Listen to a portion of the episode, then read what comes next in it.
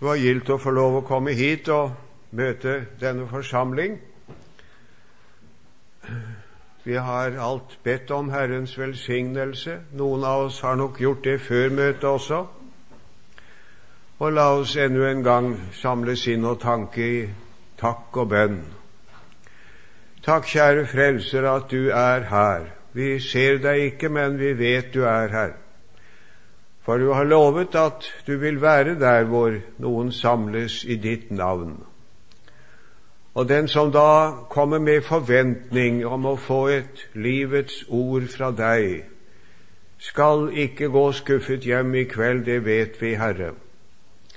Hjelp oss da bare å ha åpne hjerter og åpne sinn, som kan holde alt borte. Ja, du får selv, Herre, holde alt borte som ville hindre ditt ord i å gjøre sin gjerning. Herre, signe stunden fremdeles. Amen. Et nytt møte med Gud, ja, det var det jeg gjerne ville få si litt om. Og det ord vi skal da betrakte, det finner vi i Første Mosebok, kapittel 35. La oss lese syv vers der. Første Mosebok 35. Da sa Gud til Jakob, gjør deg i stand, dra opp til Betel og bli der. Bygg, et, bygg der et alter for Gud, Han som åpenbarte seg for deg da du flyktet for din bror Esau. Og Jakob sa til sine husfolk og til alle dem som var med ham, få bort de fremmede guder som finnes hos dere, rens dere og skift klær. La oss bryte opp og dra til Betel. Der vil jeg bygge et alter for Gud, Han som bønnhørte meg den dag jeg var i fare, og som var med meg på den vei jeg har vandret. Så ga de til Jakob alle de fremmede guder som de hadde hos seg, og ringene som de hadde i ørene, og Jakob gravde dem ned under terbinten ved Sikhem. Så dro de av sted, og en redsel fra Gud kom over byene rundt omkring dem, så de ikke forfulgte Jakobs sønner. Og Jakob kom til Lus, det er Betel, som ligger i Kanans land, han og alt det folk som var med ham. Der bygde han et alter og kalte stedet El Betel, for der hadde Gud åpenbart seg for ham da han flyktet for sin bror.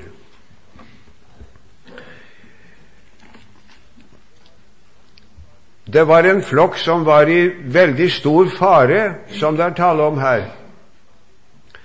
Ja, de var i livsfare. Om du leser slutten av kapittel 34, så ser du at eh, Jakob var i, i, dyp forskrekkelse, ja, i sorg og forferdelse. For det står det at eh, nå må vi gjøre noe, sa han, for vi har kommet så ille ut med folk som bor rundt på alle kanter, så nå kommer de antagelig og slår oss i hjel. De vil sammensverge seg mot oss, står det, og så vil de komme, og så vil de slå oss i hjel. Hvordan var de kommet i den forskrekkelige situasjonen? Ja, det, det, må vi forsøke å få tak i her, for det er først da vi forstår det som vi nettopp har lest i kapittel 35.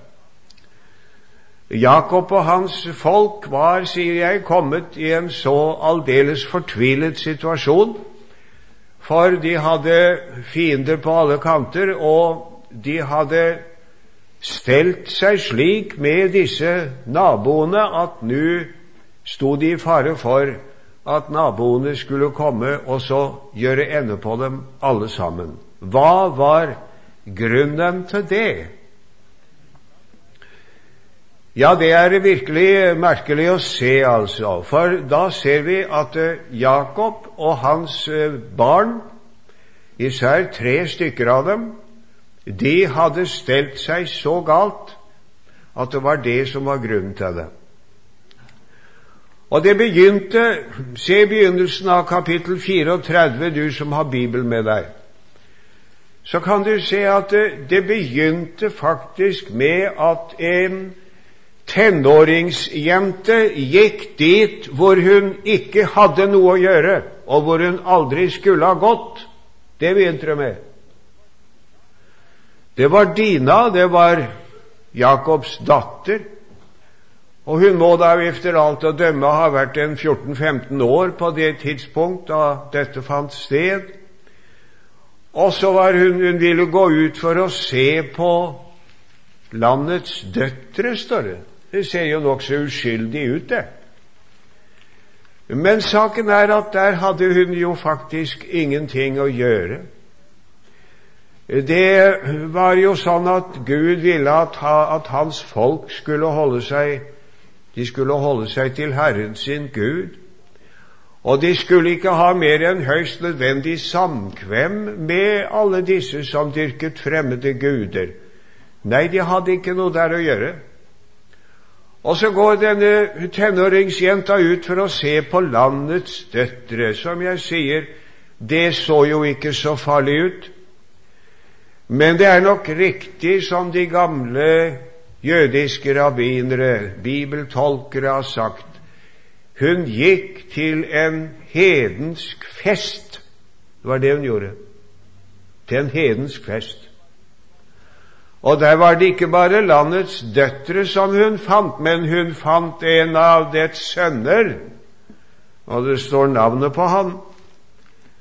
Det var en en ung gutt der som het Sikhem, sønn av hevitten Hemor, høvdingen i landet. Og han fikk se denne jenten. Og hva skjer så? Ja, så får han lyst på henne, og så tar han henne, og så krenker han henne, og så er katastrofen fullbyrdet. Forferdelig. Fordi hun gikk dit hun aldri skulle gått. Jeg skal ikke stanse lenge ved det, men jeg vil allikevel si med så sterkt eftertrykk som jeg kunne Kjære unge kristne venner, gå ikke dit hvor du som kristen ikke har noe å gjøre. Vi synger i en gammel sang, og den er god. Ta Jesus med hvor hen du lenges. Da bliver du så glad i sinn. Men hvor din frelser utestenges, der skal du ikke selv gå inn. Husk på det. Det var jo ikke farlig, det. Gå ut og se på landets døtre. Ja, men eh, det var en fest. Stor fest. Stor stemning. Og hva skjer? Ja, det hørte vi. Det var begynnelsen, og det var forferdelig.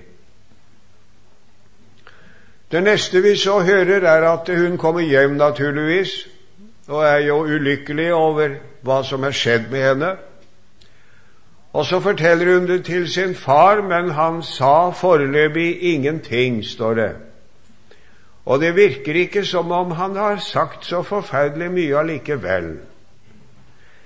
Hva han tenkte om de guttene, det kan du lese i kapittel 49, for der står det. Der er det jo I det kapitlet er det jo Jakob taler om sine sønner. Han har et ord til alle de tolv sønnene, første Mosebok 49. Der står det om Simeon og Levi er brødre, voldsvåpen er deres sverd. Møt ikke deres hemmelige råd, min sjel, ta ikke del i deres sammenkomster, min ære, for i sin vrede slo de menn i hjel, og i sin selvrådighet skamskar de okser. Forbannet være deres vrede, for den var vill, deres sinne, for det var grusomt. Hva var det de hadde gjort? Jo da, det er en hel historie, det òg. For det var slik at denne gutten som hadde krenket Dina, han ville da endelig gifte seg med henne. Og så får han faderen til å gå og snakke med Jakob at ikke gutten kunne få denne jenta til kone. Og eh, det skulle jo Jakob aldri ha hørt på engang. Du vet jo hvor nøye de var på det. Du kan jo tenke på hvordan Abraham sendte en tjener lang vei for å få en brud til Isak. Og du kan tenke på hvor fortvilet de var når noen gikk hen og giftet seg med noen av de fremmede som dyrket fremmede guder istedenfor å holde seg til Guds folk. Det er en viktig sak, det. Og tenk for en viktig sak! Kjære deg du må ikke velge en ektefelle som du ikke kan ha troens samfunn med. Og tenk hva det står i 2. Korintiebrev, det sjette kapittel. Jeg har lyst til å minne om det, for, for det er toner som jeg tror skulle lyde sterkt i denne tid, hvor det snart ikke er noen grenser lenger mellom hva som er rett og hva som er galt, og hva som er tillatt og hva som er forbudt. Vet du hva det står? Dra ikke fremmed åk med vantro, står det i 2. Korintier 6, 14. Dra ikke i fremmed åk med vantro. Hva delaktighet har rettferd med urett, eller hva samfunn har lys med mørke, og hva samklang er det mellom Kristus og Belial? eller hva samfunn har en troende med en vantro. Det er alvor, det. Det er alvor, det. Og Istedenfor da å avvise dette her og si at vi skal finne ektefelle til våre barn blant våre egne folk, så gikk de inn på en slags handel og særlig var det hennes to brødre, da, som navnet er nevnt på det her, de var rasende eh, over det som var skjedd, og så, så sier de det at vel, dere skal få jenta hvis at dere er villige til å bli omskåret. Alle menn skal omskjæres, altså. Og det mente de ikke noe med. Og så gikk de med på det. Og så ble de omskåret, og den tredje dagen, da de var syke da, over dette her, vet du, så, så kommer de med sverd og slår dem i hjel, alle sammen. Det gjorde brødrene til, til Dina. Det er jo fryktelig. En sånn forferdelig historie. Da har de forbrutt seg alle sammen. Og så sitter Jakob der og ser på denne tragedie som har rammet hans egen familie. Dina er skjendet. Brødrene hennes har slått i hjel disse menneskene. Det skulle de dog ikke ha gjort. Og med svik og vold. Forferdelig. Og naboene rundt omkring, når de får høre om det som her har skjedd, hva skal de tenke om oss? De kommer til å slå oss i hjel. Hva skal vi gjøre nå? Det var situasjonen før kapittel 35, som vi leste aller først i kveld. For en situasjon! Da er det Gud griper inn. Da sa Gud til Jakob Hva var det han sa? Han sa i grunnen én ting, kjære Jakob. Du må ha et nytt møte med meg, og det skal du få. Dere som er her på møte i kveld, det kan vel tenkes at det er noen hver som har en følelse av det jeg trengte et nytt møte med Gud. For når du skal tenke på din kristendom og ditt eh, liv med Gud, hvordan er det med det? Hvordan er det med det? Det kan vel være mer enn én, det som da vil si som så jeg har stelt meg ille. Og det er blitt så tørt med mitt bønneliv, og det er blitt så svakt med troens makt hos meg, og det er ja, det er både det og det og det som samvittigheten minner om. Hva skal jeg gjøre? Det funksjonerer ikke. Og det er ikke sjelden det du man hører folk som kommer og klager over dette her. Jeg forstår ikke hvordan det er blitt med meg. Da jeg ble omvendt, så opplevde jeg store ting med Gud, og jeg var så glad. Det var gildt å be, det var så godt å synge, det var så fint å vitne om ham, og jeg hadde sånn glede i det. Nå vet jeg ikke hva jeg skulle si hvis jeg skulle reise meg på møte og vitne noe, for jeg har ikke noe å si. Det er dødt og kaldt og tomt. Det er mange som må si det, med sorg og smerte. Og kanskje du som er her, og ja, i en såpass stor forsamling er det nok mer enn én som må si det. Sånn er det nok med meg. Da får jeg lov til å si deg her i denne kveldsstunden med et ord fra Gud at uh, du skal få et nytt møte med Gud. Du skal få et nytt møte med Gud, for det trenger du. Og det skal du få, slik som Jakob fikk det her. Slik skal du få det. Priset være Jesu dyrebare navn for at sånn er det. Og hva var det for noe, da, dette nye møtet? Ja, der har vi en dyrebar sannhet i Guds ord, en hemmelighet som ikke alle ser. Men jeg skulle ønske at vi kunne få øynene opp for det her i denne kveld, alle sammen, sånn sterkt at vi ikke glemte det noen gang. Det nye møtet med Gud. Jeg taler nå til dem som vet med seg selv at de vil være kristne vil være Guds barn, og som vet med seg selv at jeg har tatt en beslutning om det, og jeg har overgitt meg til Gud, men som trenger et nytt møte med Gud. Det er deg jeg snakker til i kveld. Kanskje du sitter her og har aldri egentlig hatt noe møte med Gud. Du skal høre etter, du også for ordet har budskap også til deg. Hva står det her? Ja, det syns jeg er så fint, altså. For det som Gud da sier til Jakob, det er du skal gå opp til Betel, der hvor jeg første gangen møtte deg. Dit skal du gå. Dra opp til Betel, der hvor jeg møtte deg første gangen, den gangen som du flyktet for bror din. Gå dit, der skal jeg møte deg. Ja, det er fint, det, du. Hvordan var det den gangen, da? Ja, det kan du lese om i kapittel 28 i Første Mosebok.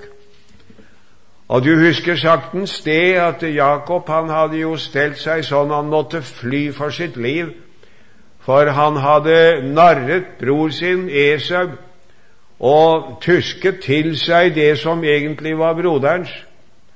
Og broderen var så sint, så han lovte på det at når en far er død, så skal jeg slå den karen i hjel. Og så måtte han flykte, og en lang historie, det. Og så kommer han da til et sted, og det er øde der, og det er tomt der, og han er trøtt og sliten, og han har ingenting. Han, solen går ned, sto det. Solen går ned, ja, og det var vel på mer enn én måte det at solen gikk ned, det var mørkt, det var kaldt, det var håpløst. Og så har han en sten til hodepute, og så drømmer han. Det var ikke noen alminnelig drøm, men det var en åpenbaring ifra den levende Gud. Jakob ser en stige som er stillet fra himmelen og til jorden, og engler stiger ned og stiger opp på denne stigen, og der øverst der taler Gud i himmelen til Jakob, og hva er det han sier til ham? Og det er så fint, det som står der ute i kapittel 28. Han sier til ham, Jeg er med deg og vil bevare deg hvor du går, kapittel 15. Jeg er med deg og vil bevare deg hvor du går, og jeg vil føre deg tilbake til dette land, for jeg vil ikke forlate deg før jeg har gjort det som jeg har sagt deg. Tenk å få et sånt ord ifra Gud! Et tilsagn om nåde fullstendig uforskyldt. Ingen betingelse kan du finne noe betingelse. Det er simpelthen et ord som sier 'Dette land vil jeg gi deg', og jeg skal være med deg hvor du går, og jeg skal ikke forlate deg før jeg har ført deg tilbake hit. Jeg skal aldri slippe deg. Hva skal man gjøre når man får et tilsagn fra den levende Gud om at Han vil være med meg? Han vil velsigne meg. Han setter ikke noe annet vilkår enn at jeg skal simpelthen tro det og ta imot det. Det fins ikke noen betingelse, det var ikke noe han skulle betale, det var ikke noe han skulle gjøre, ingen prøve han skulle bestå. Det var simpelthen et tilsagn fra Gud i himmelen. Jeg er med deg, og jeg vil være med deg hvor du går, og jeg skal ikke slippe deg før jeg har ført deg tilbake til dette landet. Hva skal en gjøre når en får et slikt ord? En hjelpeløs stakkar på flukt for sitt liv. Ja, det er bare to muligheter, det. Og det ene, det er at man tror det. Tror det. Og det andre, det er at man ikke tror det. Ja. Gå tilbake dit, sa Gud til Jakob. Gå tilbake dit, din arming, der du er. Gå tilbake dit. Gå tilbake til utgangspunktet, kunne jeg gjerne si. Gå tilbake dit hvor du var den gangen da du ble frelst av nåde.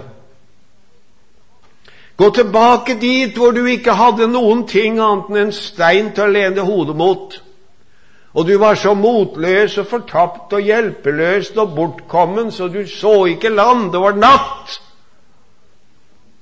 Og så kom Herren og tilsa deg sin nåde. Og det fikk du lov å tro. Gå tilbake dit. Gå tilbake til Betel. Gå tilbake til Betel. Kjære kristen sjel som er her, og som er trøtt og ute av deg og syns du er en dårlig kristen. Og det har mislykkedes for deg på så mange måter, og hva skal en egentlig gjøre? Ja, jeg trenger så visst et nytt møte med Gud. Hva er det for noe, da?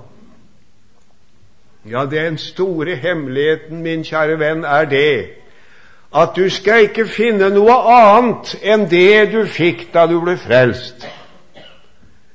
Gå tilbake til Betel.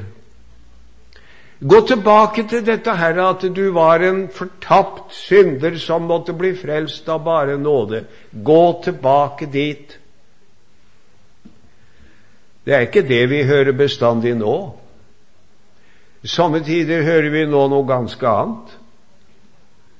Somme tider så kommer det røster som sier det at ja, ja, det er greit nok det, du har gitt over til Gud en gang, og du har trodd mot Jesus og, og slik, og, og, det var jo godt og vel, naturligvis, men du ser jo selv at det var for lite. Å nei, du må nok, på, du må nok få oppleve noe ganske annet. Du må, du må, få oppleve en, du må få oppleve en åndsdåp eller en, en, bestemt opplevelse må du få. Du skal, du skal gå dit og snakke med de og de, og så skal du få se noe som du aldri har sett før. Det hører vi nå. Noe du aldri har sett før. Men Jakob han fikk beskjed om at han skulle gå tilbake og se det som han hadde sett en gang før. den gangen han ble frelst. Han skulle gå tilbake dit. Du som freden meg forkynner, du en frelser, jeg en synder. Du med amen, jeg med bønn. Du med nåden, jeg med skammen. Å, hvor vi dog passer sammen, du Guds salvede, Guds sønn. Ja, gå tilbake dit. Og gå til Betel og bli der, sto det. Og jeg bekjenner, venner, at jeg ønsker meg ikke noe annet enn å få lov til å bli akkurat der så lenge jeg er i verden. For da er jeg hos Jesus og blir frelst av bare nåde.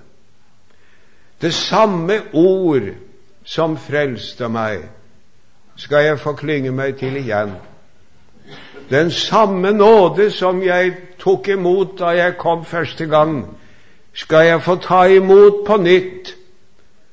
Jeg skal få gå til Betel, jeg skal ikke søke noe annet, jeg skal søke Jesus. Det er det samme ord. Det samme ord. Det samme ord. Det er en fortelling som jeg har mange ganger tatt frem. Det får ikke hjelpe om jeg har fortalt den før. Jeg har nå ikke fortalt den her, i hvert fall, for her har jeg ikke vært før. Men eh, det hendte seg borte i Sverige for godt og vel 100 år siden, ja, atskillig over 100 år siden. Det var en eh, ja, det, Selve fortellingen, det som nå kommer, det Da forstår du det at det er lenge siden. Det var i gamle tida. Det var en, en, greve De har jo sånt nå i Sverige fremdeles, og det hadde de også da. En greve som heter Stakkelberg. Han var en stor mann i samfunnet og en rik mann. Men han var en, en uh, troende kristen og en god broder. Og det var et godt navn blant Guds folk i Sverige. Så var det en dag som han eh, gikk en liten morgentur. Og så kommer han forbi stua hvor det bodde en gammel kar som hadde vært eh, torpare, som de sier i Sverige. Han hadde vel vært som en løsarbeider, derimot, så vidt jeg forstår, på, på grevens eh, eh slott eller gods.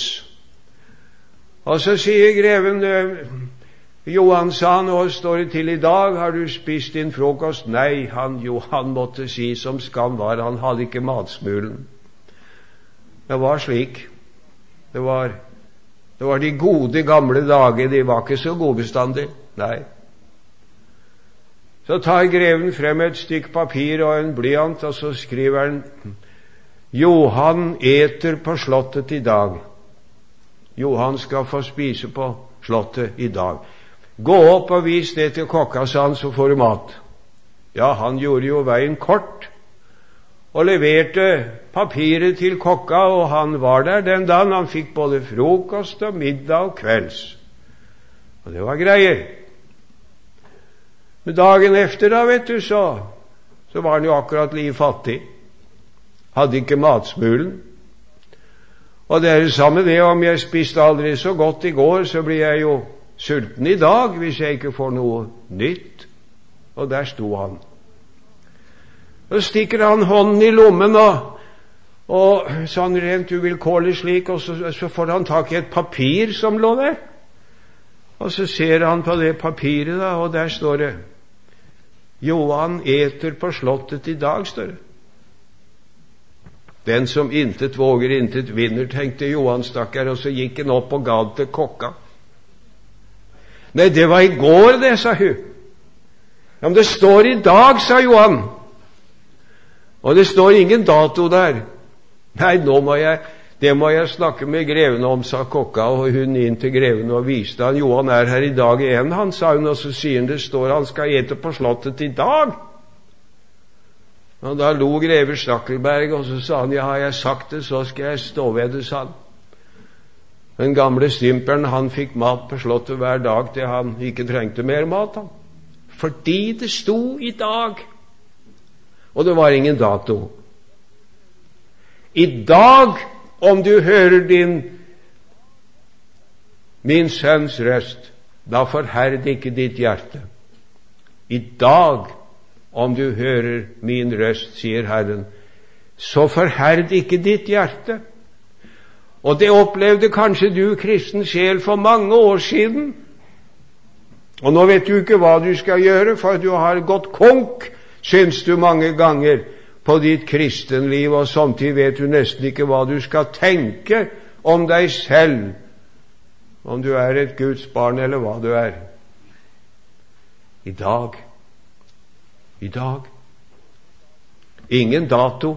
Det står ingen dato i margen noen steder i Bibelen. Ingen annen enn den du har satt selv, kanskje.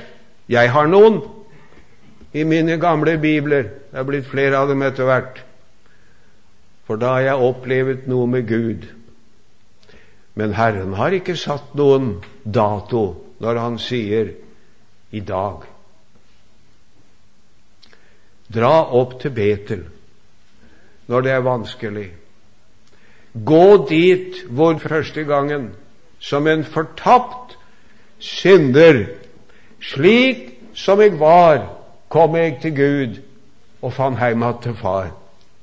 Skyldig til døden og syndene mange, bunden i lekkjord på syndeveg lange.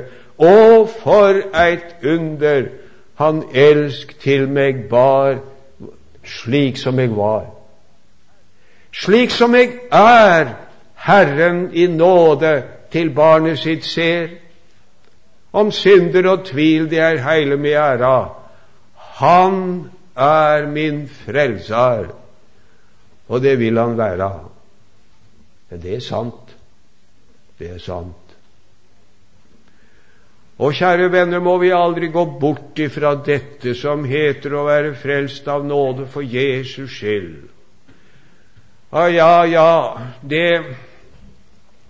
Jeg har ikke noen tro på dette at eh, liksom jeg, jeg, skal, jeg, skal, prøve en eller annen vei som er ny, og det kommer og sier 'dette må du gjøre', og 'det må du lese', og 'det må du tro', og sånn skal det til. Ja, jeg var ikke gamle karen som kristen jeg før jeg kom igjen og spurte om jeg hadde hatt en annen velsignelse. Jeg skjønte ikke hva han mente. Men det var jo det, da, at jeg hadde fått den første velsignelse da jeg ble omvendt, men jeg skulle få en ny en da jeg fikk Åndens fylde, eller hva det var han, han sa for noe. Nei, Det skjønte jeg meg da ikke noe på. Jeg har holdt meg til den velsignelse Gud gir hver dag i Jesu dyre blod til fortapte syndere som tar sin tilflukt til ham. Var en gammel dame som fortalte meg hun hadde fått samme spørsmål i sin tid av en. Har du hatt en annen velsignelse? Å ja da, sa hun. Den annen og den tredje og den fjerde og den femte og den tiende og den tolvte, sa hun. Jeg har fått mange, jeg, sa hun. Ja, men det er den samme velsignelsen. Lovet være Jesu dyrebare navn. Han døde for oss All synd er sonet, all gjeld betalt. Vend tilbake til Betel, der hvor Herren tar imot fortapte syndere. Så brøt de opp, da, står det her. Og idet de gjorde det, så sier Jakob eh, til dem at eh, nå skal de se oss og få bort alle disse herre fremmede gudene som dere går og drar på i all hemmelighet. Vekk med dem! Det var da besynderlig. Hadde de fremmede guder, da? Ja, de hadde det, viste det seg. Og frem kom de. Og så grov Jakob dem ned, står det her. Han grov dem ned under terebinten ved Sikhem. De eh, ryddet opp i det som eh, de slepte på, og som var galt. Det, det, det, var ikke noe vilkår for den nye velsignelsen, vil si den gamle velsignelsen, men det var en følge av den. Og det kunne vel tenkes det, kjære venner, at det var noe som vi også trengte å rydde opp i. Jeg tenker på det som står i det 19. kapittelet i apostlenes gjerninger. Det er et, et kraftig ord. For der står det om en virkelig vekkelse. Det var den store vekkelsen i Efesus. Og Det er merkelig å lese om alt det som skjedde der. Det var mye. Ja, Paulus sto der i Efesus, og det var så stor og gjennomgripende en vekkelse, og mange mennesker blir frelst. Og så står det det at i verset 18 mange av dem som var blitt troende, kom og bekjente og fortalte hva de hadde drevet med. Ja, tenk det, ja. Ja, tenk det. De bekjente hva de hadde drevet med. Det kom opp i dagens lys syndene. Syndene. Gud fikk, fikk, fikk snakke med dem om syndene vekkelse. Vi leser i kristelige blader samtidig om at det er vekkelse forskjellige steder, og det har vært det også i det siste par år, og det er veldig gildt. Jeg blir så glad når jeg leser om det her og der, at folk strømmer sammen, og, og folk tilkjennegir at de vil gi seg over til Gud. Tenk så gildt som det er. Og da blir det en bønn i mitt hjerte altså at det må, må bli en virkelig kristelig vekkelse med de kjennetegn som den sanne kristne vekkelse har. Og uten de kjennetegn så er det bare religiøst blaff og ikke kristelig vekkelse. Hva er det for kjennetegn? Ja, det kunne nevnes flere ting, men det er to som er absolutt nødvendige. Og vet du hva det er? Det er for det første sorg over synden. Det var vekkelse i gamle dager, så gråt folk over syndene sine. De gråt over syndene sine. Og jeg har vært med på det. Jeg har sett Jeg kommer for meg i dette øyeblikket en, en, en mann i den første plassen som jeg var med i Vaterland i Oslo. Han, han gråt så at det, det bokstavelig talt var ganske vått på benken der han knelte foran han. Han gråt for, over syndene sine. Nød over at jeg har gjort Gud imot. Ikke bare sånn i all alminnelighet. Vi står og holder hverandre i hendene som om vi går rundt juletreet, og så sier vi at vi er jo syndere alle sammen. Nei, hvem? dine synder. Mine synder. Synden, nød, det er det første. Og så det andre fryd og glede og takknemlighet over frelsen full og fri. Jeg stemmer i en frydesang om frelsen full og fri. Immanuel på korset hang, utgjød sitt blod for meg. Ja, det er kjennetegnene, det. er kjennetegnene. Og ja, du, det, vi skimter noe av det her, og måtte det så sant være noe som fulgte Guds barn i denne tid. At det, det var sorg over synden. Det, den, den bedrøvelse efter Gud som virker omvendelse til frelse som ingen angrer, sier Bibelen. Bedrøvelsen efter Gud som virker omvendelse til frelse som ingen angrer. Kjenner du noe til det, kjære tilhører? Kjenner du noe til det? Og det andre er gleden over å få lov til å tro at eh, tenk, jeg som er en slik en stakkar som jeg er, jeg får lov til å tro at jeg er Guds barn. Og det er en stor nåde å få lov å se det og få lov til å tro det og få lov til å vite at det, at det nettopp fordi jeg er en sånn en stakkar som jeg er, nettopp derfor døde Jesus for meg. Tenk på det. Er ikke det stort? Og så til slutt så står det her at, at de gikk frem da på veien opp til Betel. Og det kom en frykt fra Gud, står det, over folk, så de ikke forfulgte eh, så de ikke forfulgte Jakobs sønner. Det kom en redsel fra Gud over byene rundt omkring dem, så de ikke forfulgte Jakobs sønner.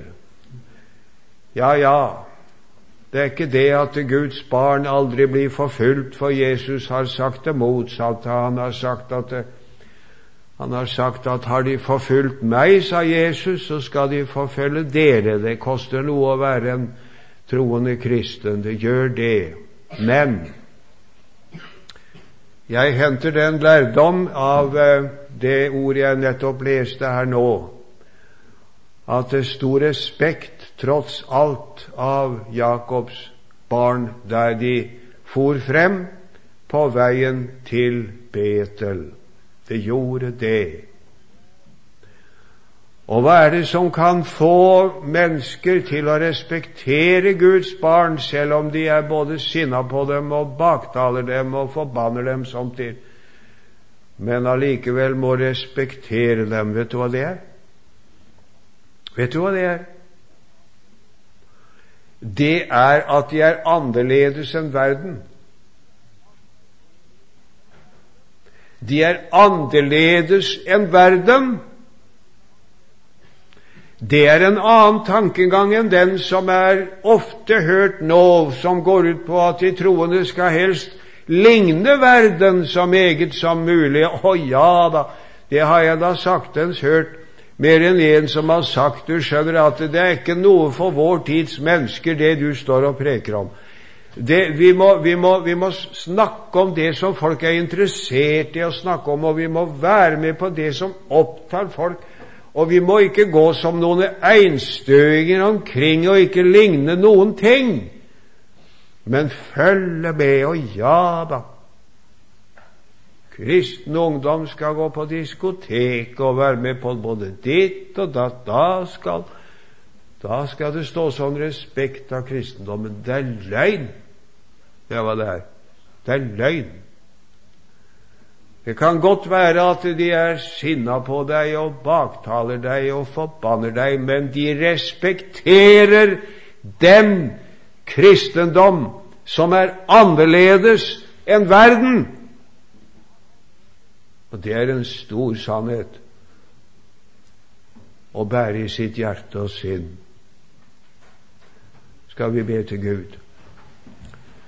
Kjære Gud, himmelske Far, så har du talt til oss. og og vi ber at du må hjelpe oss å bære dette i vårt hjerte og sinn og ta det med. Og vi ber at du må oppreise et slikt troens folk i vårt land som går rakt frem i Jesu følge og hører Hans ord og ikke verdens. Herre Jesus, hold oss ved ditt kors. Amen.